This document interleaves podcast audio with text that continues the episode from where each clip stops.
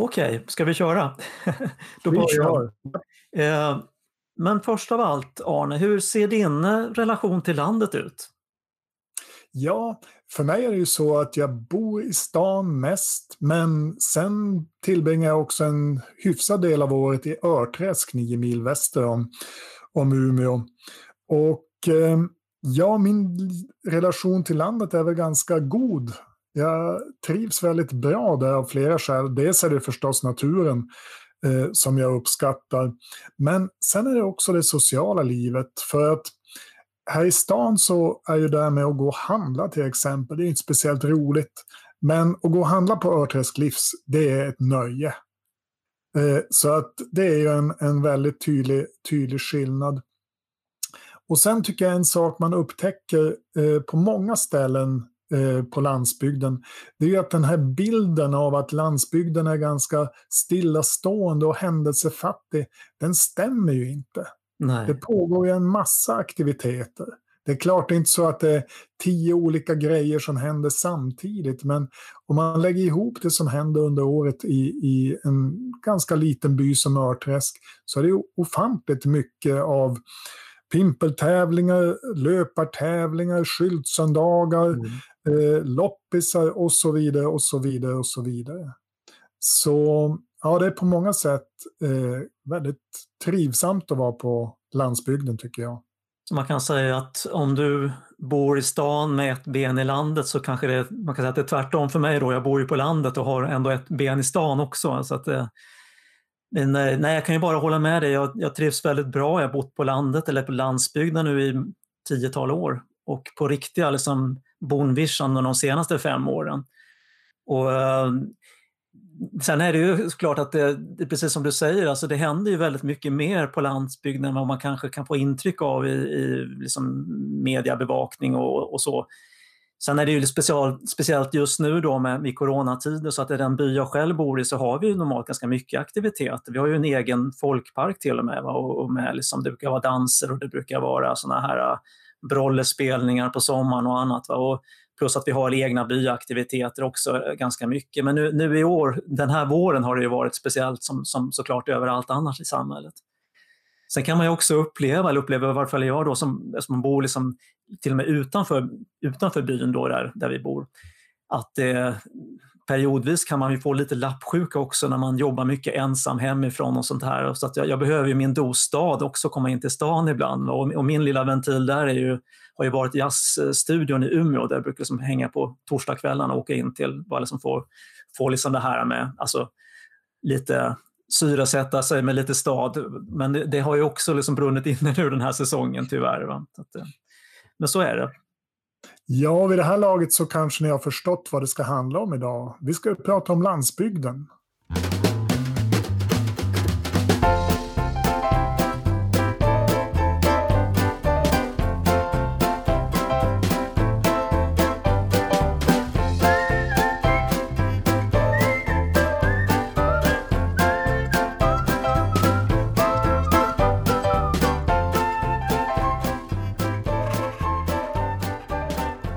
Välkommen till ett nytt avsnitt av podden Vägval på poddspaning bortom pandemin. Med mig Björn Forsberg och med Arne Müller. Eh, som produceras i samarbete med ABF Västerbotten och som ett led av ABFs satsning på den omställningsvecka som man kommer att anordna senare i år i november. Eh, tillsammans ska vi idag uppehålla oss vid ett ämne som gärna väcker heta känslor, nämligen om landet landsorten, glesbygden, periferin. Kärt barn har många namn. Temat för nästa veckas sändning blir sedan staden. Vi ska alltså tala om landets och stadens respektive utsikter bortom pandemin. Ofta sägs att storstadsnormer styr mycket av debatten, inklusive hur landsorten framställs. För att bryta med detta så väljer vi nu att vända på begreppen. Landet kommer alltså först ut för oss och varför inte för en gångs skull tala om land och stad snarare än det mer invanda stad och land? Eh, några exempel på frågor som vi tänker diskutera under den här sändningen är vilka utmaningar möter den svenska landsorten bortom pandemin? Men också sett på lite längre sikt, på vägen mot en fossilfri framtid. Vi ska prata om livsmedelsförsörjningen, om transporterna och kanske också något om, om utkomstmöjligheterna i framtiden. Så kommer vi förstås också in på den oundvikliga frågan, var finns framtiden? Är framtiden landsortens eller är den stadens? Och om vi nu ska spetsa till saken, ifall framtiden snarare tillhör landsbygden än staden, går, det, går vi i så fall mot en sorts säga, högteknologisk digital cyberlandsbygd där vi nätverkar ut mot världen från vår hemmatäppa i Latikberg eller Lenhovda eller någon annanstans. Och där det digitala tjänstesamhället är landsbygdens eh, som säga, heta livsnerv.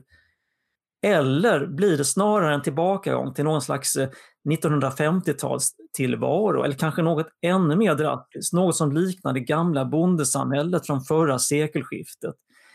Ehm, med svält och armod som våra, våra liksom följeslagare, för det här är ju worst case-scenario som ju faktiskt har förekommit en del i diskussionen på sistone nu i pandemins spår och, och också liksom i, i diskussionen om hur, hur vår framtid ser ut när vi ska ställa om till en, till en ja, fossilfri värld helt enkelt.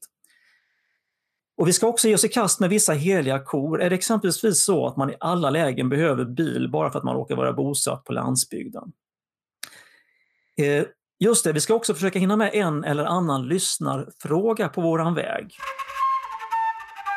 Jag tror att det så här inledningsvis kan vara bra att ändå slå fast en sak, för att ofta talas det i ganska svepande termer om landsorten, som att den vore någonting homogent, ungefär som att eh, som när skåningar och stockholmare klumpar ihop allt norr om Uppsala som ett, liksom ett diffust Norrland. Va?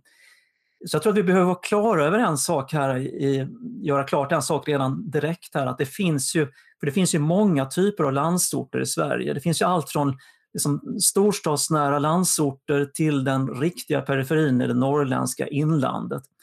Och såklart går det inte att jämställa villkoren i, ja, men, säg till exempel Norrtälje eller, eller skånska Sjöbo med dem i, säg Dorotea eller, eller Strömsund eller någon annan plats långt ute i periferin. Men med, alltså med det sagt ändå så tycks det ändå som att vissa frågeställningar och perspektiv på tillvaron går igen nästan överallt ute på den svenska vischan och kanske bäst sammanfattat som en känsla av maktlöshet och utanförskap att, och att det inte blir lyssnat på, där de, liksom de tunga beslut som formar landsbygdens öde tas. Men med allt detta sagt som, som introduktion så känns det ju ändå som att landsbygdsdebatten förändras ganska radikalt under senare år.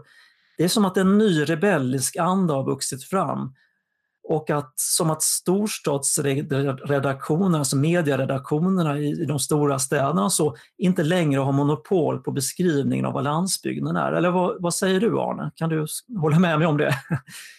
Jo, nej men absolut. Visst är det en förändring som har skett. Och, alltså, jag tror att den, den stora förklaringen det är de här protesterna som ändå har kommit från landsbygden på ett annat sätt än om man skulle gå tio år bakåt i tiden. Vi har haft det med skattekontor, när, när Skatteverket ville lägga ner ett gäng mindre skattekontor så, så blev det så pass stora protester så att de var tvungna att backa. Och det här blev startpunkten för den här diskussionen som vi har sett nu de senaste åren om att börja flytta ut en del statliga jobb från Stockholm. Eh, kring naturresursfrågor har det ju varit en massa protester, både när det gäller gruvor och, och vindkraft, som faktiskt har hörts Även i Stockholm vet man idag vad Kallak är för någonting. Just. Eh, och vi, vi, har haft strider kring sjukvården. Alltså, det, det började med Dorotea. Alltså, tänk att de ockuperar sin sjukstuga i mer än tre år. Ja. Det är fortfarande helt obegripligt för mig hur, det, hur de lyckades med det i ett så litet samhälle. Och de vann ju faktiskt. De vann, ja. Exakt. Och, och, och, det i sin tur har ju då varit en in, inspiration för den här sjukhusockupationen i Sollefteå som också har pågått i mer än tre år nu. Ja, just det. Jag tycker så... ganska häftigt. Ja, förlåt. Ska inte ja. avbryta det här mitt i... men alltså en, eh, pro, förskjutningen av problemformuleringen. Tänk på hur det var för här 10-15 år sedan när man slog upp eh, Dagens Nyheters eh, ledarsida och eh, allt som oftast blev bombarderad med uppfattningen att allt som, som var utanför storstan, framförallt Stockholm då, var någon slags, man använde ofta ordet tärande om landsbygden, att landsbygden var tärande och allt som skapade välstånd i landet Sverige, det, det, som det skapades innanför Stockholms stadsmurar, eller åtminstone i, i säga, tillväxtregionerna, de stora städerna. Medan liksom storstaden då höll resten av landet och framförallt landsbygden, glesbygden under armarna. Och, och det där har ju verkligen förändrats. Va? Under, alltså den, den, det perspektivet går ju liksom inte riktigt längre hem i debatten, är ju min känsla. Nej, och det är ju, det är svårt att hävda det när i ett läge när samtidigt eh, landsbygdens resurser har blivit mer och mer heta. Ja. Det gäller vindkraft, det gäller eh, metaller, det gäller skogen. Så, så då, då är det svårt att vidmakthålla den här bilden. Och jag, jag, tror att den kombinationen av de här faktorerna, alltså de, de här proteströrelserna, att det, det alltså av rent ekonomiska skäl går det inte riktigt att måla upp den här bilden av den tärande landsbygden längre. Det, det har också påverkat hela diskussionen i, i nyhetsmedia och, och i populärkultur om man går så här något årtionde tillbaka, då, då hade jag intrycket av att i bästa fall kunde landsbygden skildras som i filmen Masjävlar. Mm. I värsta fall så var det som i Jägarna. Och inget av alternativen framstod som särskilt eh, tilltalande. Men ganska schablonartad bild. Ja, ja, men visst. Ja, väldigt ja. schablonartad. Medan idag går det som att, på, att hitta en hel del betydligt mer positiva och nyanserade bilder av mindre städer och, och landsbygd. Jag, jag, tänker på två, två serier här på, på de, under den senare tiden med snarlika namn. Storuman Forever och Falkenberg Forever. Ja, just det. Just det. För om man ser på dem så, så är det ju en, en eh, ja, en bild av människor i, på landsbygd och i mindre städer och, och livet där som mm. skiljer sig från den här traditionella schablonbilden. Ja, men det är intressant. Samtidigt så är det ändå som att det de här gamla schablonerna lever ju, lever ju också vidare i vissa, vissa tv-program. Vi kanske inte ska gå in på, på, på vilka just nu, men vissa serier och sådär. Man har ju ser ju, ser vi hur vissa av de här myterna, mytbildningarna, mytbilderna av landsorten fortsatt frodas. Va? Men, men eh, sammantaget, och det här med resurserna, liksom landsbygden har ju alltid levererat resurser till stan i alla tider, men det är ändå som att det är någonting nytt som har hänt och att resursperspektivet liksom erkänns mer att det idag att det faktiskt eh, staden, städerna är beroende utav landsorten för sin försörjning utav jag menar, eh, el och allt vad det nu kan vara. Mm. Men eh, Inför den här sändningen så har den här organisationen som heter Sveriges kommuner och regioner släppt en ny rapport om kommunernas ekonomi. Och jag vet att du har tittat lite närmare på den här rapporten och blir kanske orolig för vad som kommer att hända med ja, men säg servicen på landsbygden de närmaste åren. Jag fick det intrycket i varje fall. Vad, vad har du hittat för spännande? Ja, alltså den här rapporten är ju inte speciellt munter läsning. Då har ändå eh, Sveriges kommuner och regioner sagt att de är rätt optimistiska och har gjort rätt optimistiska antaganden om hur, hur det kommer att se ut under fortsättningen av den här viruskrisen. Eh, eh, det är jättestora hål i kommunernas och, och regionernas kassor. Eh, bara 8 miljarder till krävs för att täcka minskade skatteintäkter här under det närmaste året. Eh, och, och så där kan man fortsätta att räkna upp. Alltså jättemycket pengar fattas. Eh, och eh, varför är då det här, det här en landsbygdsfråga? Jo, saken är den att, att det är kommuner och regioner i landsbygdsområden som har varit speciellt utsatta redan tidigare. Eh, det, det kom en utredning här om året som visar att den här kostnadsutjämningen som ska jämna ut förutsättningar för kommuner, den, den täcker inte alls de skillnader som finns. Nu har man rättat till det här i år, men det är en ryggsäck som de här mindre kommunerna bär med sig. Och, och eh, det här gör då att, att redan innan den här krisen så var läget väldigt, väldigt kärvt för många mindre kommuner. Alltså, ett exempel som jag brukar ta upp det är Malå som inte längre eh, kan renovera sin gamla simhall. Den är för då, i för dåligt skick och det finns inga pengar att bygga en ny. Det känns och, ju ganska tragiskt. Jag tänkte på de här simhallarna var ju på något vis någon symbol för framtiden och sådär en gång. Alltså hela välfärdssamhället när de byggdes på 60-talet och sådär på småorterna 60-70-talet. Och, och nu står de där läckande och eh, mögliga och så vidare och man har inte pengar ens att renovera dem. Ja men precis. Det, det, det är ju någonting som hör till ett, ett eh, någorlunda stort samhälle och definitivt att en kommun ska ha en, en simhall. Och, och omvänt så sänder det ju en signal. Om man inte ens har resurser att hålla simhallen öppen, då, då ser ju inte framtiden så ljus ut för den Nej. kommunen. Nej. Så så, så det är det. Och Malå är inte, det finns väl ganska många tror jag, exempel ja. på liknande på alltså just med simhallar som, som inte kommuner längre mäktar med att driva på runt om i, alltså i typ Västerbottens små kommuner och på andra håll. Jo, men för många av dem byggdes just för sådär en 40 år sedan, så att, lite drygt, så att de har verkligen nått slutet på sin livslängd. Ja, exakt, exakt.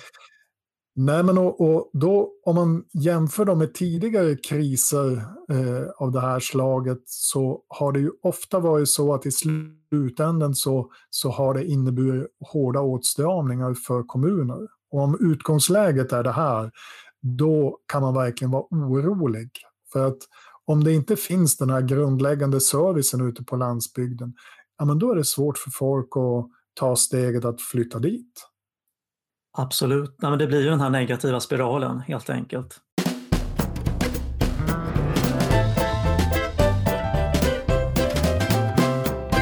Eh, men jag känner att, eh, att det finns en, eh, liksom en stor paradox idag. För å ena sidan så ser vi ju de här dystra landsbygdstrenderna och du ger ju exempel på, på flera saker här och, och säkert kan alltså, listan göras längre på även annat som, som liksom förstärker den här bilden av, av liksom en, en eh, landsbygd i nedförslöpa eller vad man ska säga. Men å andra sidan så talar ju också talar ju nu allt fler tycker jag om landsbygden som en, som en framtida vinnare.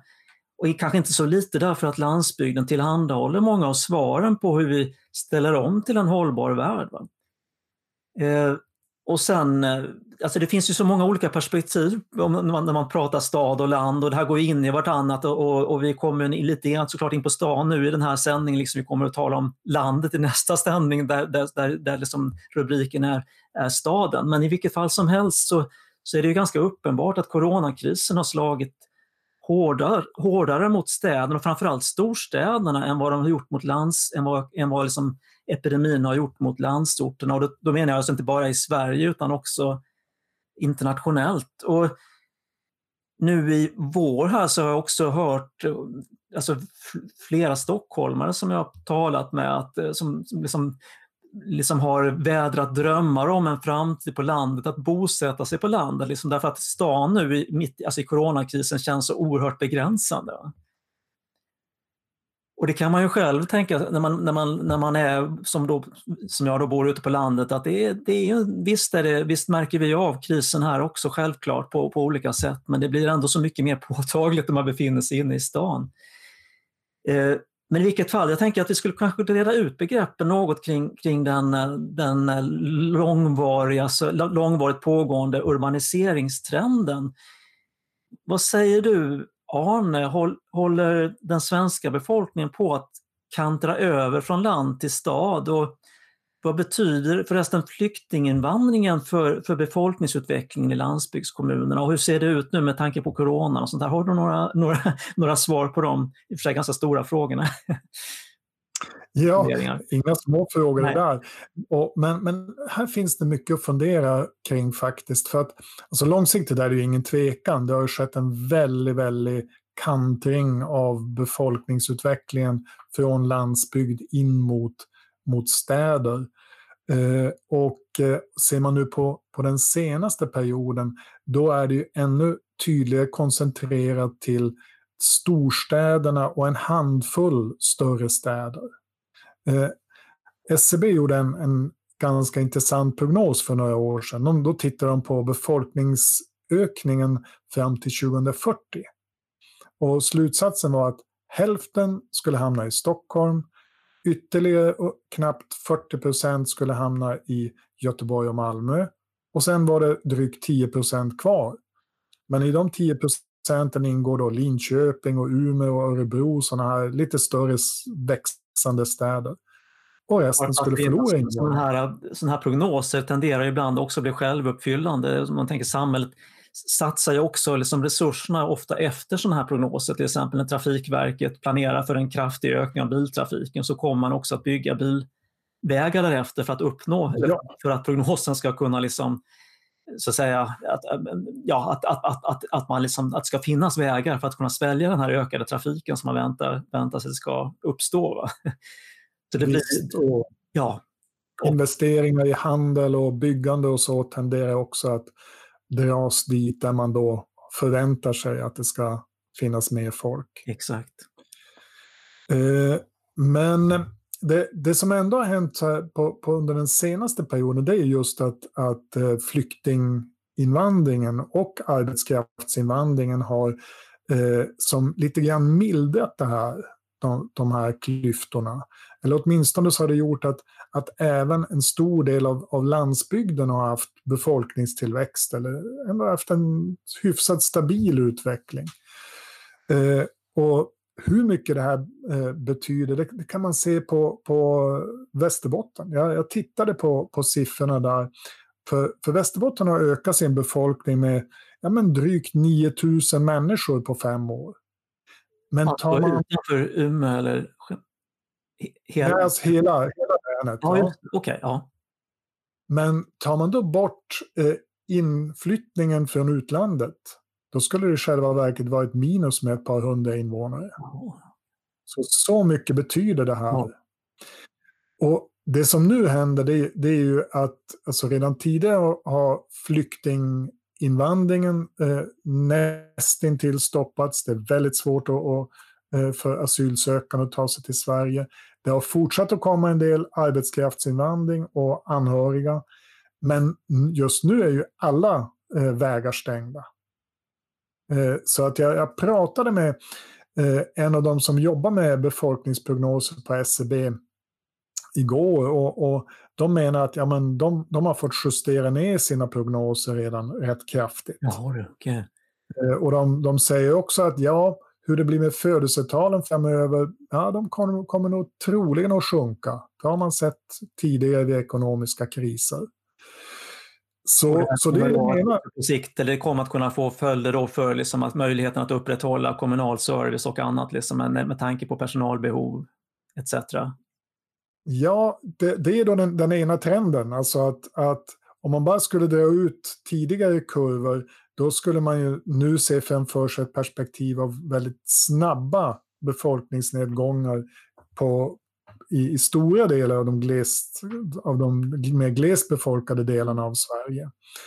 Men, men det som då är, är nästa osäkra faktor, det är ju det du var inne på, om det kanske är så att en del stadsbor tycker att ja, men vill vi verkligen bo i stan? Ja. Eller som, som jag läste en, en artikel i, i tidningen The Economist nu som, där man i Storbritannien räknar med att eh, många kontorsarbetsplatser i storstäderna kommer att försvinna.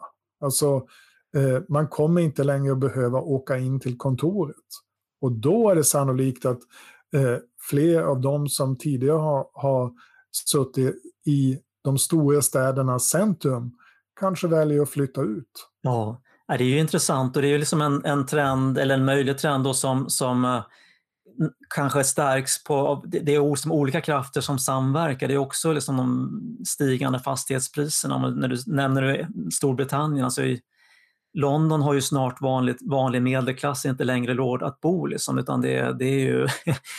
och man kan väl tänka sig att, att även många eh, företag resonerar på samma sätt, liksom att, det, att det är så höga lokalhyror så att man varför inte liksom flytta ut på, på landsorten eller till de, de mindre städerna åtminstone. Va? Ja, det, det, var ju en av de eh, saker som togs upp i den där artikeln som jag läste, att eh, här ser förstås företag möjligheten att krympa kontorsytorna inne i städerna så att det, det blir även företagsekonomiskt lönsamt att, att låta folk jobba hemma. Och då kan de ju sitta en bra bit utanför stan utan problem. Ja, men exakt.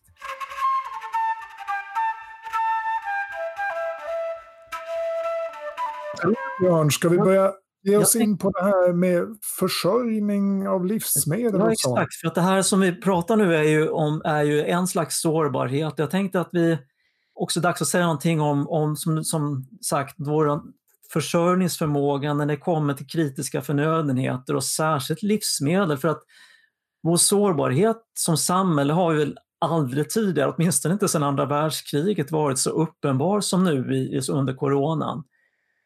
Men samtidigt så kan det liksom fascinera mig också hur snabbt vi som samhälle lyckas mobilisera fram resurser som inte hade när vi gick in i krisen. Alltså att det finns ändå där någonstans. Man kan ibland få liksom känslan av att vi, vi är ganska försoffade och så här och vi sitter och tittar på tv-serier och vi liksom är... Men, men alltså när det, verkligen, när det verkligen blir skarpt i läge då finns det ju verkligen en... Alltså det är, uppenbarligen har vi som... som jag menar, det finns väldigt mycket eh, en, en, en beredskap ute i samhället som jag tycker liksom, det har varit tycker jag ändå fascinerande att se nu under de här senaste månaderna.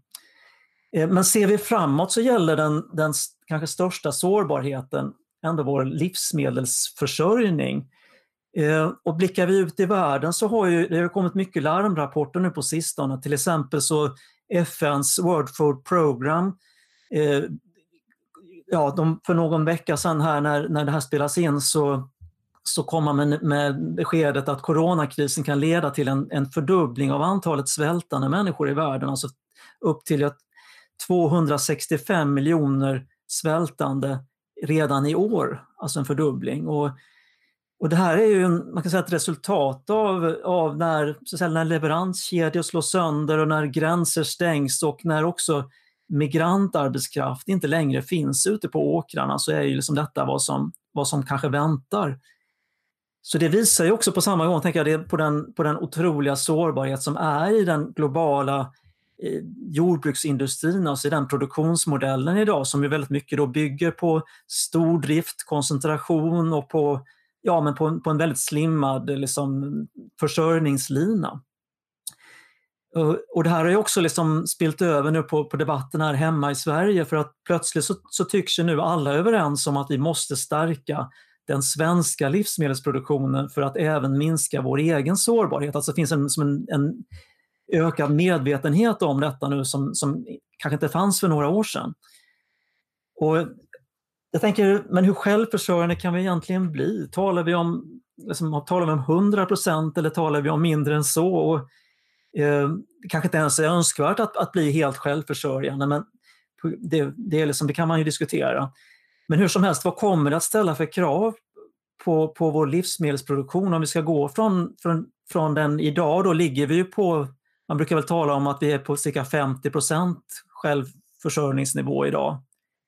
Till en, vilket är alltså i ett europeiskt perspektiv är liksom ganska illa. Så jag tror det är väl bara Norge i västra Europa i alla fall som har en så låg självförsörjande förmåga som Sverige. Och det, det, finns ju då väldigt mycket politiska förklaringar bakom att det ser ut som det gör också. Jag tror vi var inne på det i någon tidigare sändning. Eh, men ändå, en sak kan vi nog ändå direkt slå fast och det är att, att försörja landsbygdens befolkning blir det minsta problemet. För jag, jag har emellanåt kollat på gammal sån här befolkningsstatistik och, och eh, ofta slagits av att eh, många svenska landsbygdsförsamlingar bar eller hade betydligt större befolkningar för, säg för hundra år sedan än vad man har idag, alltså i det gamla bondesamhället eh, under en tid då, man var i princip ja, men typ självförsörjande. Eh, jag, har inte liksom, jag har inte tagit fram siffrorna här och nu men, men eh, till exempel i, jag bodde i Vinden tidigare och eh, jag tror att en kommun som idag har vad är det, 5500 eller något sånt här och när man hade som flest invånare, och det var väl i mitten på 1900-talet, låg man ju på näst, nästan det dubbla. Men man hade också betydligt fler invånare än idag, alltså vid, vid förra sekelskiftet 1900. Och det tänker jag, det säger oss ändå någonting viktigt. Alltså, för att gick det med den tidens metoder att bära betydligt större befolkningar än idag så säger det oss liksom också en, en hel del om möjligheterna. Alltså jag tänker att många svenska landsbygdskommuner skulle ha förutsättningar att nå en, en, ganska hög grad av självförsörjning. Så att problemet i dagens värld är ju förstås städerna och det, det kommer vi in på närmare i, i, nästa avsnitt. Jag vet inte om du har någon, någon fundering kring, kring de, de sakerna, men Jo, nej, men en, en, en hel del. Alltså, jag, jag läste en, en rapport som jag tyckte var intressant från ett projekt som har drivits upp i, i Norrbotten som heter Nära mat. Och, och där tittade man just på, på det här med hur självförsörjningsgraden har utvecklats. Och det är ju delvis fritt fall efter EU-inträdet. EU-inträdet var en brytpunkt här, det, det är helt klart. Men ja, alltså till exempel 91 procent av frukt och grönsaker importeras. 76 procent av äggen, 80 procent av grisköttet, till och med potatis. Man kan tycka potatis borde ju om någonting gå att odla i norra Sverige. Men, men inte ens där täcker man behoven i, i Norr och Västerbotten. Ja, det är ju och ganska anmärkningsvärt. Förresten, nu i, nu i vår så har det ju startats något som heter, kallas för potatisupproret. Det är en kompis till mig som, eh, som mycket ligger bakom det här nere i Söderhamn. De har dragit igång ett, ett liksom, det, det, är mycket för att, för att påvisa på just den här sårbarheten och eh, liksom hur, hur eh, ja, men alltså utsatta vi är och alltså att vi, har en, att vi, vi är väldigt sårbara och att vi för att som också pekar på behovet av att stärka vår självförsörjande förmåga i, i ett läge när liksom kanske den globala distributionen inte längre fungerar som den, som den har gjort eller kommer att göra som den har gjort. Jo, nej men absolut. Det, det är ju både självförsörjning och det är en fråga om eh, klimatutsläppen. För att absolut. samma rapport konstaterar ju också att det blir betydligt lägre koldioxidutsläpp i, i den här norrbottniska odlingen än om man transporterar maten från södra Sverige eller ännu längre bort. Även transporterna inom landet är ju eh, över tusen kilometer upp till Norrbotten. Ja, exakt. Så, exakt. Så, men alltså till exempel så morötterna i Norrbotten orsakar en fjärdedel av koldioxidutsläppen jämfört med de som man eh, köper in från andra delar av världen. Ja, just det. Och då är det mycket, mycket av utsläppen är just transporterna då? Transporterna och sen faktiskt eh, markförhållanden. För att det, det, spelar stor roll för koldioxidutsläpp från jord, jorden, jordbruket. Eh, hur marken är beskaffad och om man då kan förhindra att det läcker så mycket koldioxid från backen. Ja, just det. Just det. Ja, men så det finns ju en otrolig potential och jag kanske ska återvända till den här siffran om att vi har cirka till hälften idag, att vi är cirka till cirka 50 procent självförsörjande på, på livsmedel. Men det där är ju en, också liksom en, liten, en ganska teoretisk siffra därför att eh, vårt svenska jordbruk är ju liksom man kan säga, en, en, en kugge i det, i det större globala jordbruket och vi är ju, det svenska jordbruket är ju väldigt beroende av insatsvaror utifrån, av eh, kraftfoder som kanske kommer från Brasilien och naturligtvis av en massa fossil energi och av andra insatser från, från, som kommer utifrån så att säga. Så att på så vis kan man ju se, säga att det industrialiserade och högspecialiserade jordbruk som vi har idag så är ju tyvärr också lite grann av, alltså en del av problemet. Och jag tror att för att minska vår sårbarhet, för att klara omställningen bort från det fossila så krävs ju in, alltså mer eller mindre en total revolutionering av, av livsmedelsproduktionen.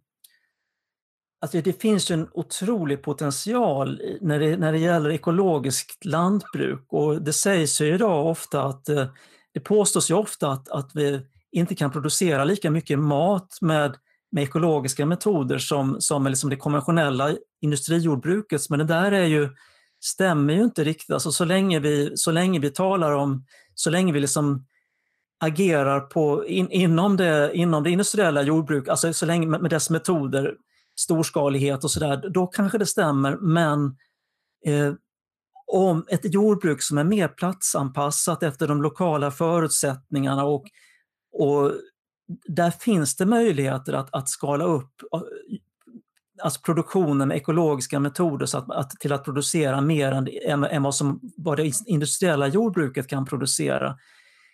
Jag gick själv en kurs i, i permakultur för en massa år sedan nere i Skåne och det var liksom verkligen en verkligen ögonöppnande och, och, och, och, och som visar på liksom de, de oerhörda möjligheter som finns när det gäller, alltså, men det kräver en helt, ett helt annat tänkande kring, kring livsmedelsproduktionen, alltså att hitta synergier mellan olika grödor och sånt här. Det, som, som, som, som möjliggör alltså ett, ett, mer högavkastande jordbruk än dagens. Alltså. Sen alltså, tror jag ändå att man måste i grunden förändra de ekonomiska förutsättningarna för jordbruket. För att eh, idag talas det ju både från regeringen och från LRF och så om att eh, jordbruket ska vara konkurrenskraftigt på en global ja, marknad. Och det, det, är omöjligt om man vill sträva efter att ha en, en högre självförsörjningsgrad och att också minska koldioxidutsläppen. För att, eh, helt enkelt, de, de klimatförutsättningarna är sådana att det kommer aldrig att, att, gå att producera lika mycket per hektar i Norrbotten som på det skånska mm. slättlandet eller i, någonstans i Centraleuropa. Eh, så att det, det får man som acceptera de förutsättningarna och sen får man utforma de ekonomiska förutsättningarna därefter för att utifrån ja, eh, tryggheten i försörjningen och utifrån att få ner klimatutsläppen så behöver vi ändå jordbruket även i Norrbotten och Västerbotten och Absolut. andra delar av, av landet. Sen tittar vi framåt också på, på liksom fossilomställningen så vi har ju länge haft en trend mot att en allt färre producerar maten. Alltså det är sjunkande andel bönder i samhället, vilket då förklaras ju att vi av, av väldigt mycket av den fossila energin. Alltså att en, en bonde idag kanske kan göra ett, alltså ett arbete som motsvarar vad, vad, vad, som möjligen kanske krävde 100 bönder förr i världen. Alltså att det, till att vi idag har, nu har jag inte heller den siffran i huvudet, men det, men det rör sig väl kanske om att vi har typ en, en procent av, av eh, de förvärvsarbetande som, som, som jobbar inom jordbruket idag, någon, någon procent. Eh, och så, jag, jag, ser ju framför mig att alltså en större del av, av befolkningen kommer att ta del av livsmedelsproduktionen i framtiden på olika sätt. Det kanske inte betyder att vi alla kommer att bli som, jobba som, alltså, i, i, heltid inom, inom, inom jord, som jordbrukare, men ändå att det, det, kom, det, det kommer att bli en förändring i takt med att vi fasar ut den fossila energin. För det kommer att innebära att mer av det här arbetet som idag görs med fossil kraft kommer att behöva ske manuellt. Va? Men om man ska se, se något positivt i det så är det ju samtidigt hur, hur, det kan skapa en, hur det skapar en försörjningsmotor. Ja, här ser jag ju den, den stora eh, som faktorn som kan vända trenden för landsbygden. Alltså att det kommer att behövas mer arbetskraft, både inom jordbruk men också inom skogsbruk. Om man ska, ska producera mer och göra det på ett, ett sätt som, som då håller nere koldioxidutsläpp, eh, förbättrar förutsättningen för biologisk mångfald och så. Det går att göra, men det kräver mer arbete. Och tar man dessutom bort en del av den fossila energin så ja, då krävs det ännu mer arbetskraft. Just det.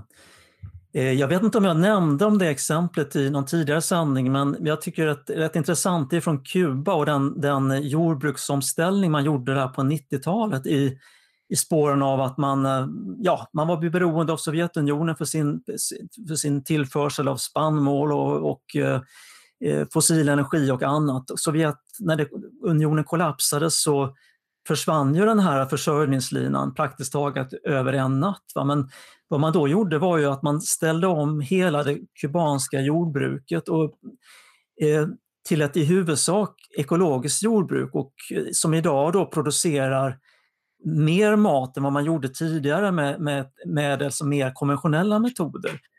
Och, men vad som också har skett där som är rätt intressant är ju liksom hur, hur jordbrukaryrket har gått från ett lågstatusyrke till ett högstatusyrke.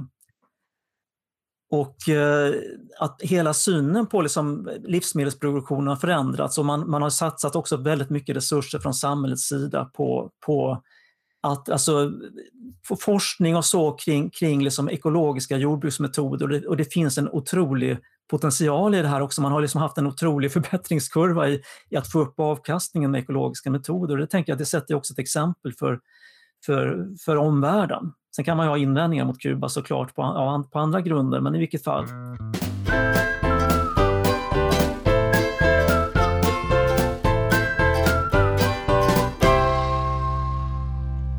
En sak som jag funderat över lite grann, det är liksom det här med, med normer och ibland så kan man få intryck av att stadsbor får står för en slags normer medan landsbygdsbor står för en annan. Alltså en ganska förenklad bild som, som ofta ges i media. Eh, för även bland landsbygdens företrädare själva finns ju ganska tydliga konfliktlinjer. Alltså alla, jag tänker att alla landsbygdsföreträdare talar ju verkligen inte med samma stämma.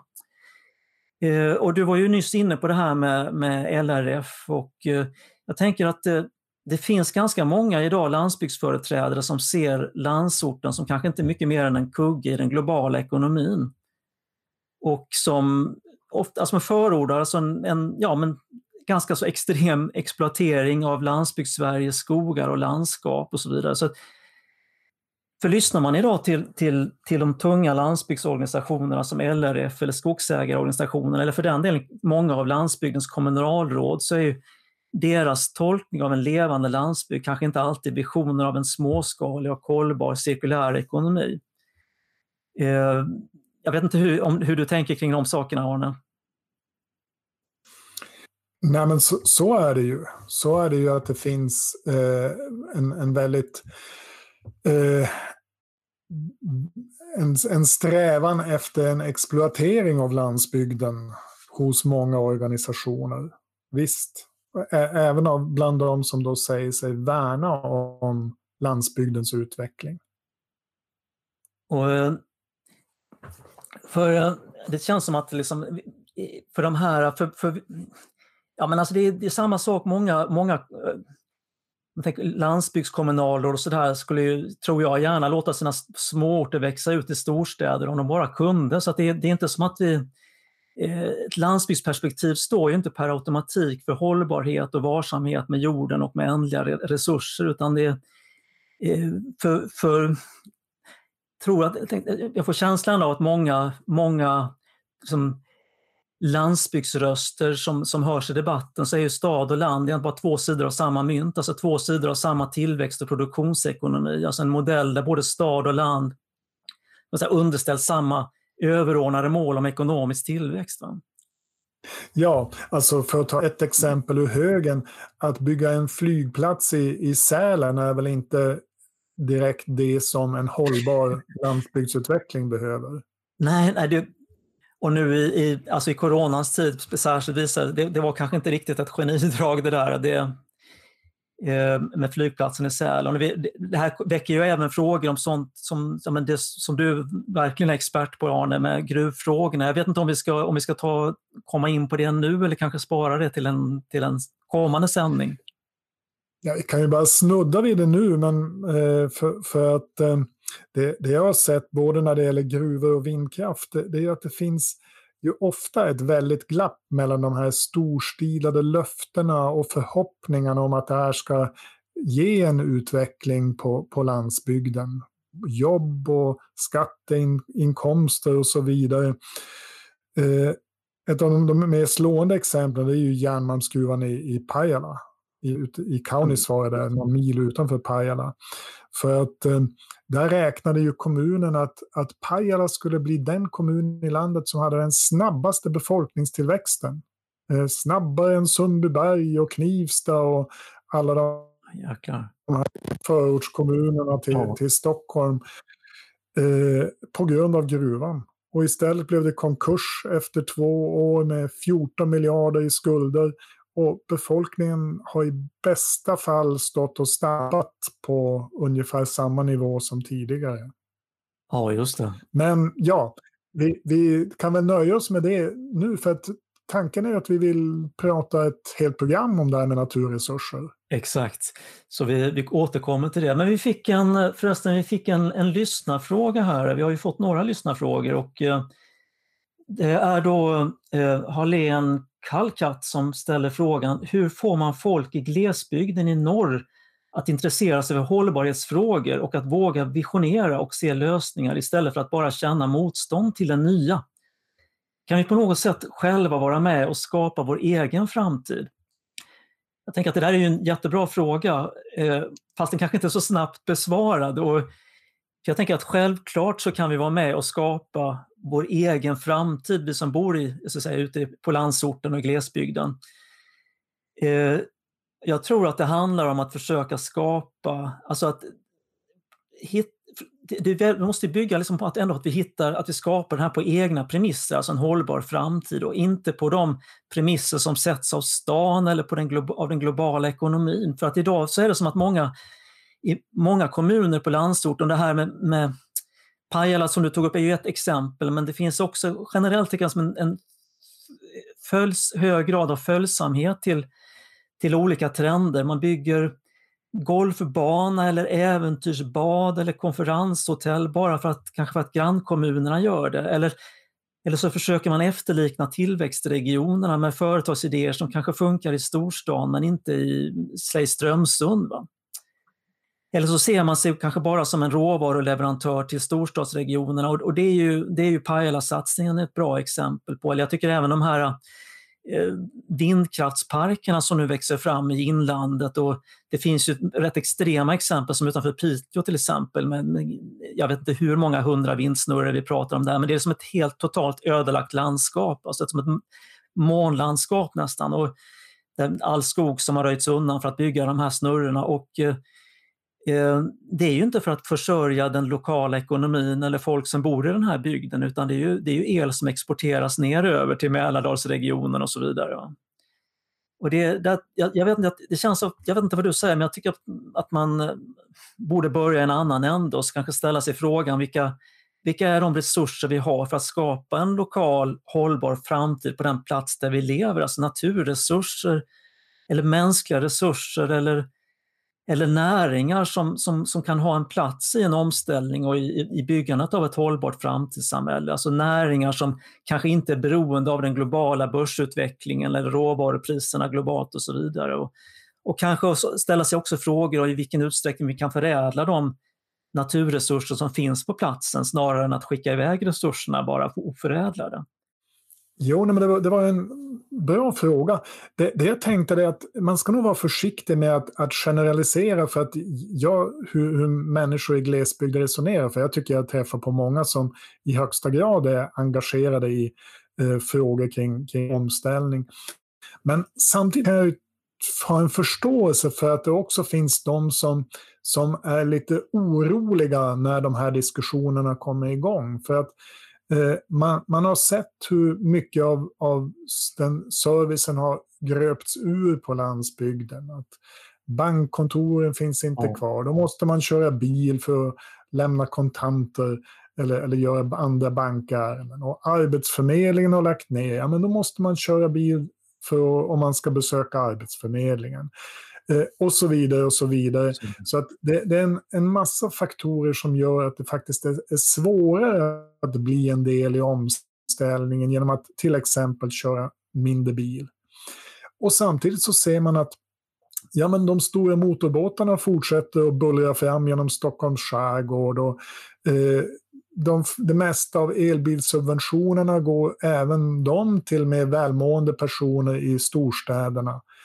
Och, och, då kan jag förstå att, att det hos en del människor finns ett motstånd eh, mot diskussionen om, om omställning, eh, att, att ta större hänsyn ja. till miljöfrågorna. Mm. Så att jag tror att, att det måste, en grundläggande grej är att man måste se att det finns en rättvisa.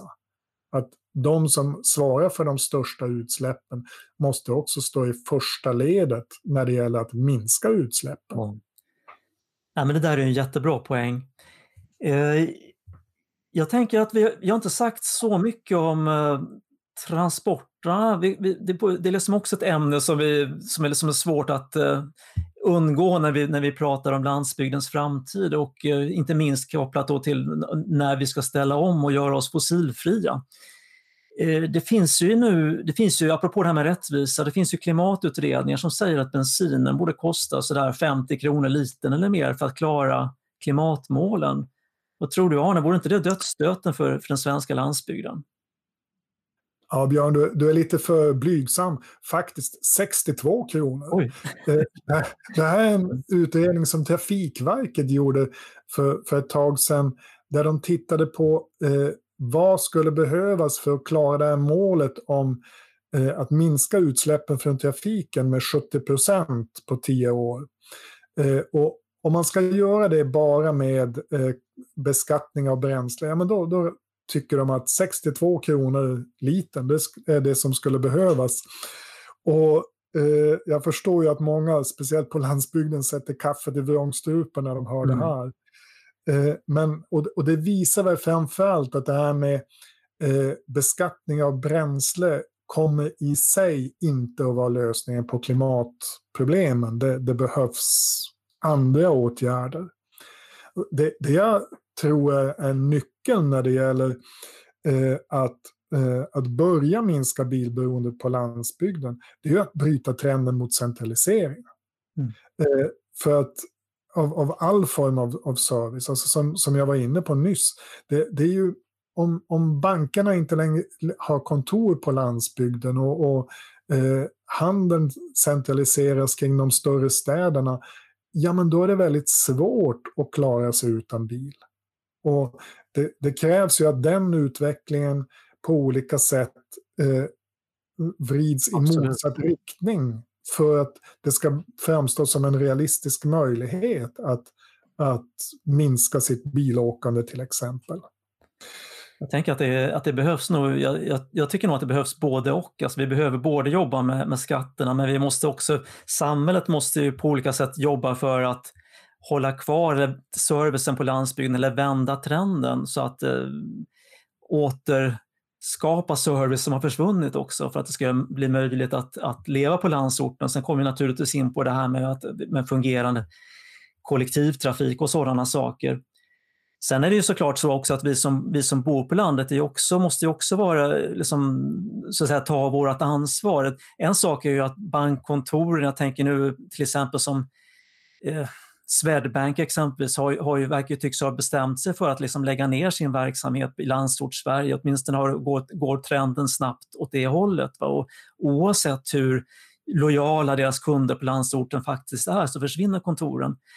När det sen gäller dagligvaruhandeln så, så har jag ju upplevt att det, det är liksom jag, jag, ja, man hör ibland alltså folk som, som ja, men ute på landet som, som kanske hellre far in till stan och handlar fast man har en, en butik lokalt. Alltså det, det, är liksom, det, det, måste på något vis ändå, för att landsbygden ska ha en framtid så måste liksom, det, det är en, det är en, tror jag, en samverkan mellan både samhällsstyrning, liksom att vi har en, en en politik som, som är inriktad på att få, få liksom, ja, det här med levande skolor ska finnas kvar och att få kollektivtrafiken att fungera och så vidare. Men också att vi, att vi som, som faktiskt bor på landet eh, liksom gör, gör vårt, drar vårt strå till stacken också för att liksom den, den service som, som fortsatt finns, som finns kvar, liksom att, den, att, den, att den ska finnas kvar på, på sikt så att säga. Om man, till exempel när det gäller butiker. Va? Mm. Där kan man ju faktiskt säga att eh, även om det finns mycket att ifrågasätta och diskutera när det gäller regionalpolitiken, men en av de saker som, som verkligen har haft effekt det är ju det här utökade stödet till, till butiker på, på landsbygden. För att eh, den här trenden som, som fanns under en lång tid att det stängde mm. många butiker på, på, i mindre byar, eh, den är ju eh, näst intill bruten. Alltså på, på senare år så har den där butiksdöden avstannat. Det är ju rätt intressant. Då kan man ju undra om det beror på att eh, ja, de flesta butikerna redan har försvunnit. Men, men, eh, nej, men det kanske inte är så. Men, men det är tror också väldigt stora skillnader med, beroende på jag tänker den här eh, riktiga glesbygden, långt från storstäderna så är det ofta kanske lättare att och hålla liv i, i den lokala servicen för att det, blir, det är för omständligt att sätta sig och köra 20 mil för att köpa den här skruvmejseln inne i stan utan då, då, då, då gynnar man liksom den lokala handeln. Men det är svårare i, tänker jag, liksom i, i eh, mer stadsnära landsbygd att hålla liv i den lokala servicen. Så är det ju. Det, det är ju bara att titta i just eh, kringområdena kring större städer. Där, där är det ofta väldigt utarmat på, på handel. Exakt. Eh, men det här med, jag, jag, känner, jag har ju en känsla av att idag så det blir väldigt mycket fokus på, på bensinskatter, bensinpriser i, i diskussionen om, om liksom, när vi pratar om, om transporter på landsbygden och, och att det, det blir ofta ganska populistiskt vinklat också. Och från medias håll så är det ju ofta så att när man, när man eh, när det här är på tapeten då, så, så när, när bensinpriserna dryftas så hittar man ju alltid någon som bor i typ riktigt långt ut i typ Arjeplog eller något sånt där som dagligen bilpendlar kanske 30 mil. Va? Och, och de, de människorna finns ju men, men det kanske inte är liksom jag ska säga att det, det, är inte så verkligheten ser ut för alla landsbygdsbor. Utan det är, förutsättningarna ser ju väldigt olika ut. På vissa håll så, så, så, finns ju faktiskt fortfarande en ganska väl fungerande kollektivtrafik på landsorten. Och det är inte heller så att bara för att man bor på landet så måste man eh, med självklarhet göra alla transporter med bil. Det, jag tror att alltså, vi behöver, det, det finns ju liksom till exempel forskning som visar att de, de flesta transporter, på, även på landsbygden, är, är ju kortare transporter, alltså transporter under fem kilometer som kanske inte alltid måste göras med bil utan, utan man kan, man kan, man kan liksom transportera sig på andra sätt. Va? Och det är kanske också så att det inte all... För nu, nu menar jag, nu, nu, liksom, nu, nu, nu tänker jag närmast på hur mediavinklingen, man kan också få, få det intrycket av att alla transporter är, som, som görs med bil är, är per definition nyttotransporter och så kanske det inte heller ser ut riktigt. Va? Så, utan vi, vi omställningen till, för att, alltså omställningen till ett fossilfritt transportsystem, det kommer ju att innebära att vi, jag tror att vi, alltså väldigt mycket av, av eh, biltrafiken kommer att försvinna. Sen kan man tycka att det är bra eller dåligt, men, men, men det är ändå någonting vi måste förhålla oss till. Och jag, jag tror att vi måste se mer förutsättningslöst på, på liksom hur gör vi det bästa utifrån, den, utifrån det läget? Då? Och inte bara fastna i det här alltså med, med bensinskattefrågan. Ja, nej men, absolut. Alltså, om man jämför bensinskattefrågan med alla andra saker som har påverkat livet på landsbygden så, som bygger på politiska beslut så framstår ju bensinskattefrågan som väldigt, väldigt liten exempelvis i jämförelse med nedläggning av byaskolor eller mm. neddragningar inom sjukvård och så.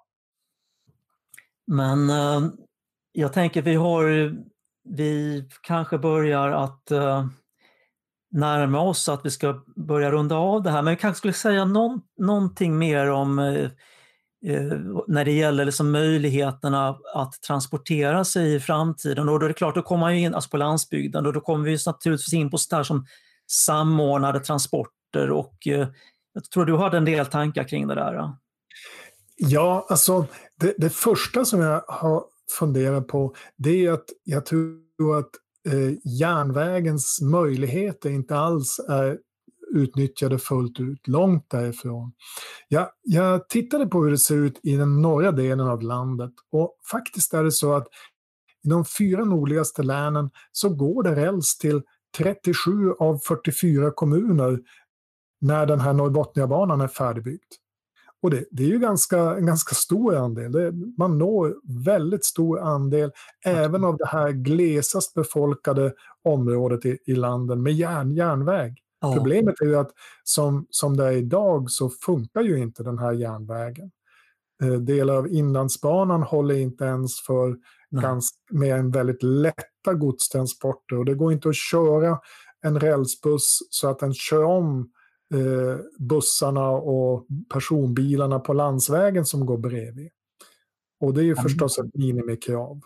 Sen har det ju skett någon, alltså ett väldigt ändå positivt trendbrott på nu de senaste tiotal åren eller så. Alltså det är, och det gäller ju inte bara här i norr utan även på an, andra håll. Alltså att, att, eh, ja, men alltså persontrafik på sträckor som har varit nedlagd under väldigt lång tid och har återupptagits. Och, och det, det, har ju skett, eh, som i, i, ja, men inte minst här i Västerbotten, att det, man har återupptagit persontrafik.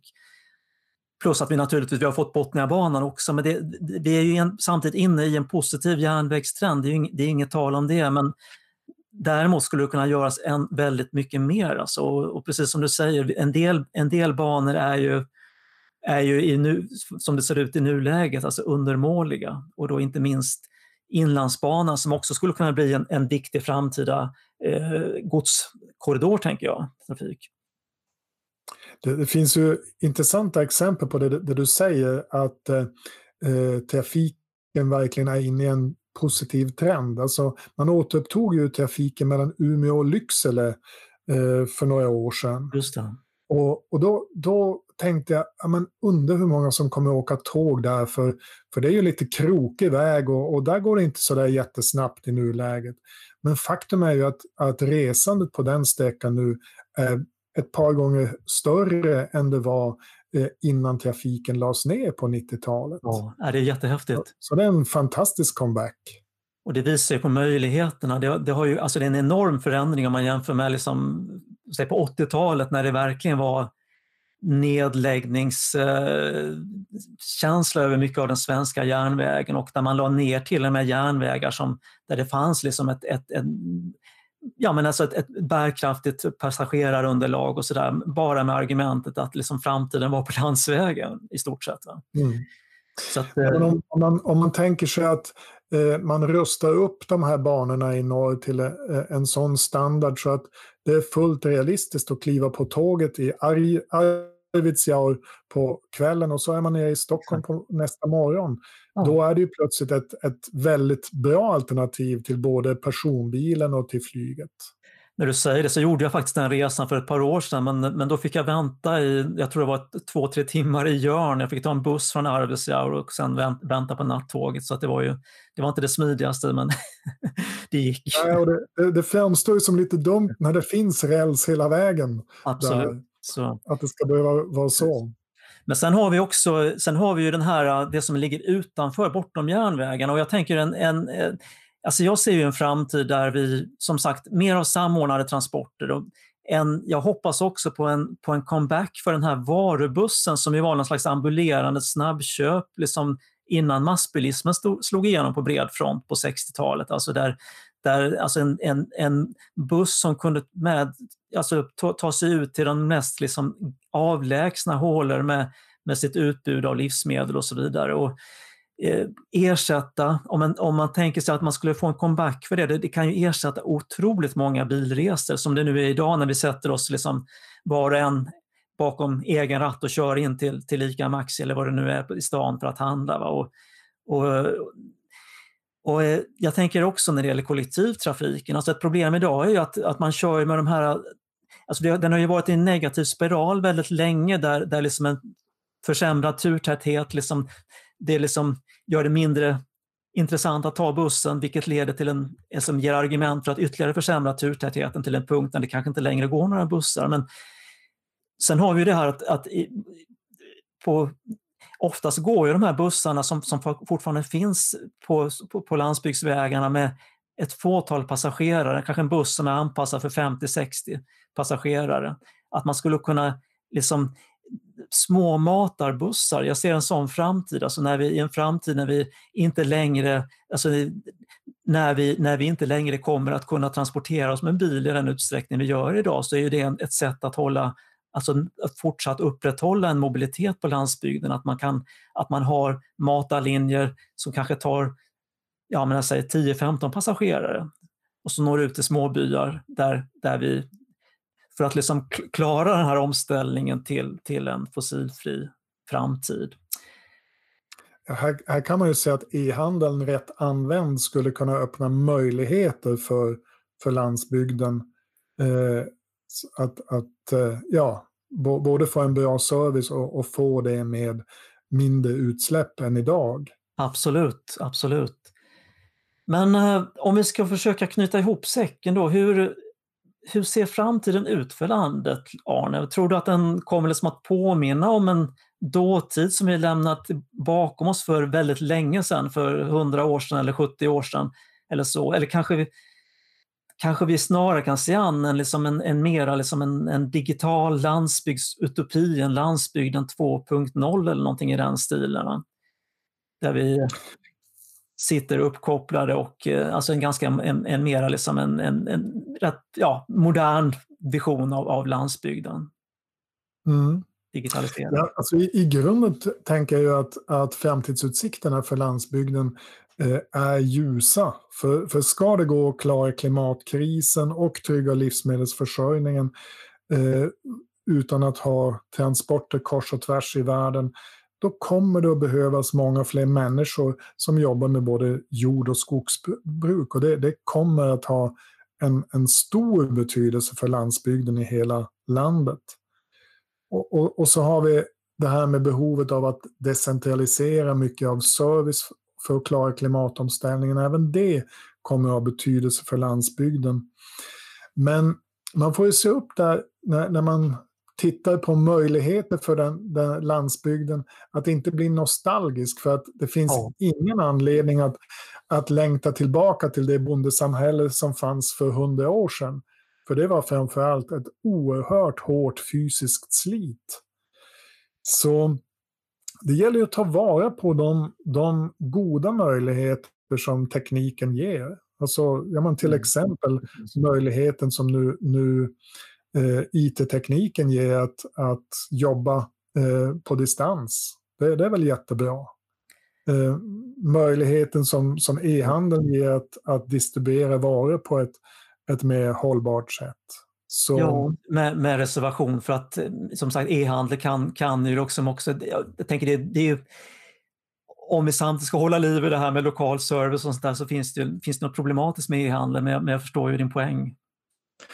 Ja, nej, men absolut, visst. Det, man, man, måste hålla tungan rätt i mun där. när det gäller att se hur den ska användas. Just det. Men jag, jag, tänker mig att det, att det liksom framtiden, att det, att det blir på något vis bara att både ta steg både bakåt och framåt i någon mening. Liksom att det, jag tror att när det gäller livsmedelsproduktionen att, det, att vi, alltså vi kommer att behöva åter, återta eller återerövra alltså mer alltså traditionell kunskap alltså kring till exempel vad de, de alltså kring fossilfria metoder eller kring, kring eh, ja, men grödor som är anpassade till platsens förutsättningar och så vidare. Traditionella, eller ja, traditionella grödor kan man säga.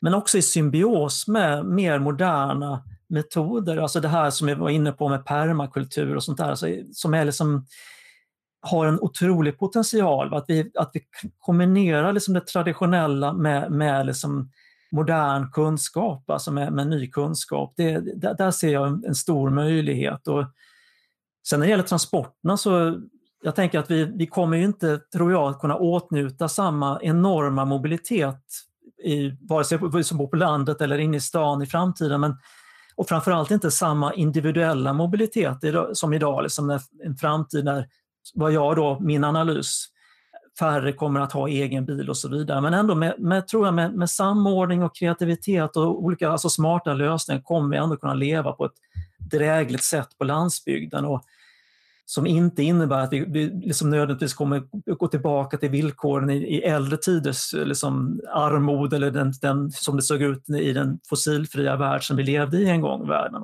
för något hundratal år sedan. Lite så. Ja. Ska vi försöka knyta ihop det här som vi har pratat om idag? För det, det är ju ganska stora förändringar ändå som, som vi ser. Alltså för några år sedan så skulle det ha framstått som ganska verklighetsfrämmande att påstå att det ens var möjligt att vända de här befolkningstrenderna på, på landsbygden. Att avfolkningen som vi har sett av en stor del av landsbygden ända sedan andra världskriget, att den skulle kunna vända. Men det, det, man kan se nu är att det öppnas nya vägval i spåren på coronapandemin.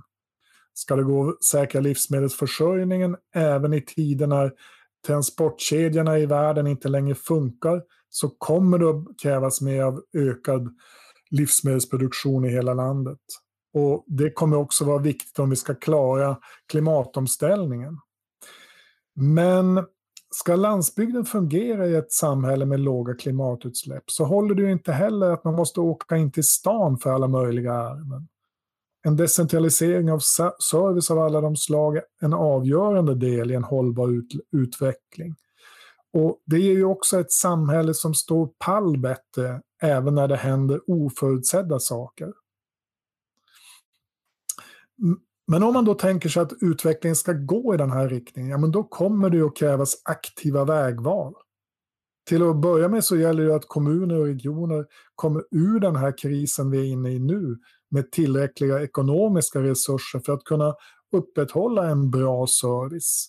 Att inte byskolorna läggs ner och att, jo då, alla kommuner har åtminstone en egen simhall. Eh, det krävs ju också nya ekonomiska förutsättningar för att jordbruket ska kunna genomgå den här väldigt djupgående omställningen som kommer att behövas. Eh, och, och, som är nödvändig om vi ska kunna frigöra oss från de här instabila globala leveranskedjorna. Då kommer det inte vara möjligt med ett jordbruk som ska konkurrera på den globala marknaden. Det, det, det måste vara så att jordbrukarna i Norrbotten på något sätt får betalt för att de bidrar till att minska koldioxidutsläppen och trygga livsmedelsförsörjningen i hela landet. Och det är förutsättningen för att det ska odlas mer morötter och annat gott och nyttigt där uppe. Ehm, sen kommer det förstås att finnas de som vill gå tillbaka till business as usual när det gäller både jordbruket och utvecklingen på landsbygden i stort. Skillnaden nu är att det kommer att vara mycket svårare att argumentera för en sån utveckling i spåren på coronasmittan. Ja, det var väl ungefär det vi har försökt att säga idag. Förresten Björn, har du några planer för Ola i sommar? Oj, ja absolut. Och eh, nu i helgen som var här så satte jag igång förodlingen.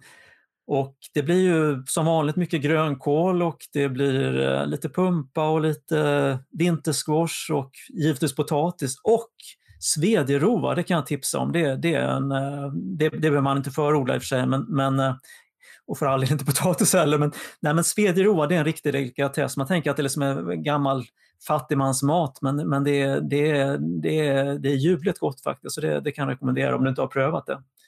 Eller till våra lyssnare. Nej, men svedjerova har jag inte testat. Grönkål som du nämnde har jag testat. Det är ju jättetrevligt att ha något att skörda där på hösten. Ja, och om inte haren äter upp det. det gjorde, vi hade en hare här som åt upp flera av våra såna här grönkålstänger nu förra, förra hösten. jo, och, och jag ska nog iväg när vi har spelat in det här programmet färdigt och köpa sättpotatis eh, som ska, ska ut här om någon vecka. Ja, men då är det dags att stänga butiken för den här gången. Eh, vi är tillbaka nästa onsdag med ett program som kommer att handla om städerna. Och under tiden så får ni gärna fortsätta att skicka mejl till oss med frågor och synpunkter. Sånt tycker vi om, eller hur Björn? Absolut. Men då säger vi tack för den här gången och hoppas att vi hörs igen om en vecka.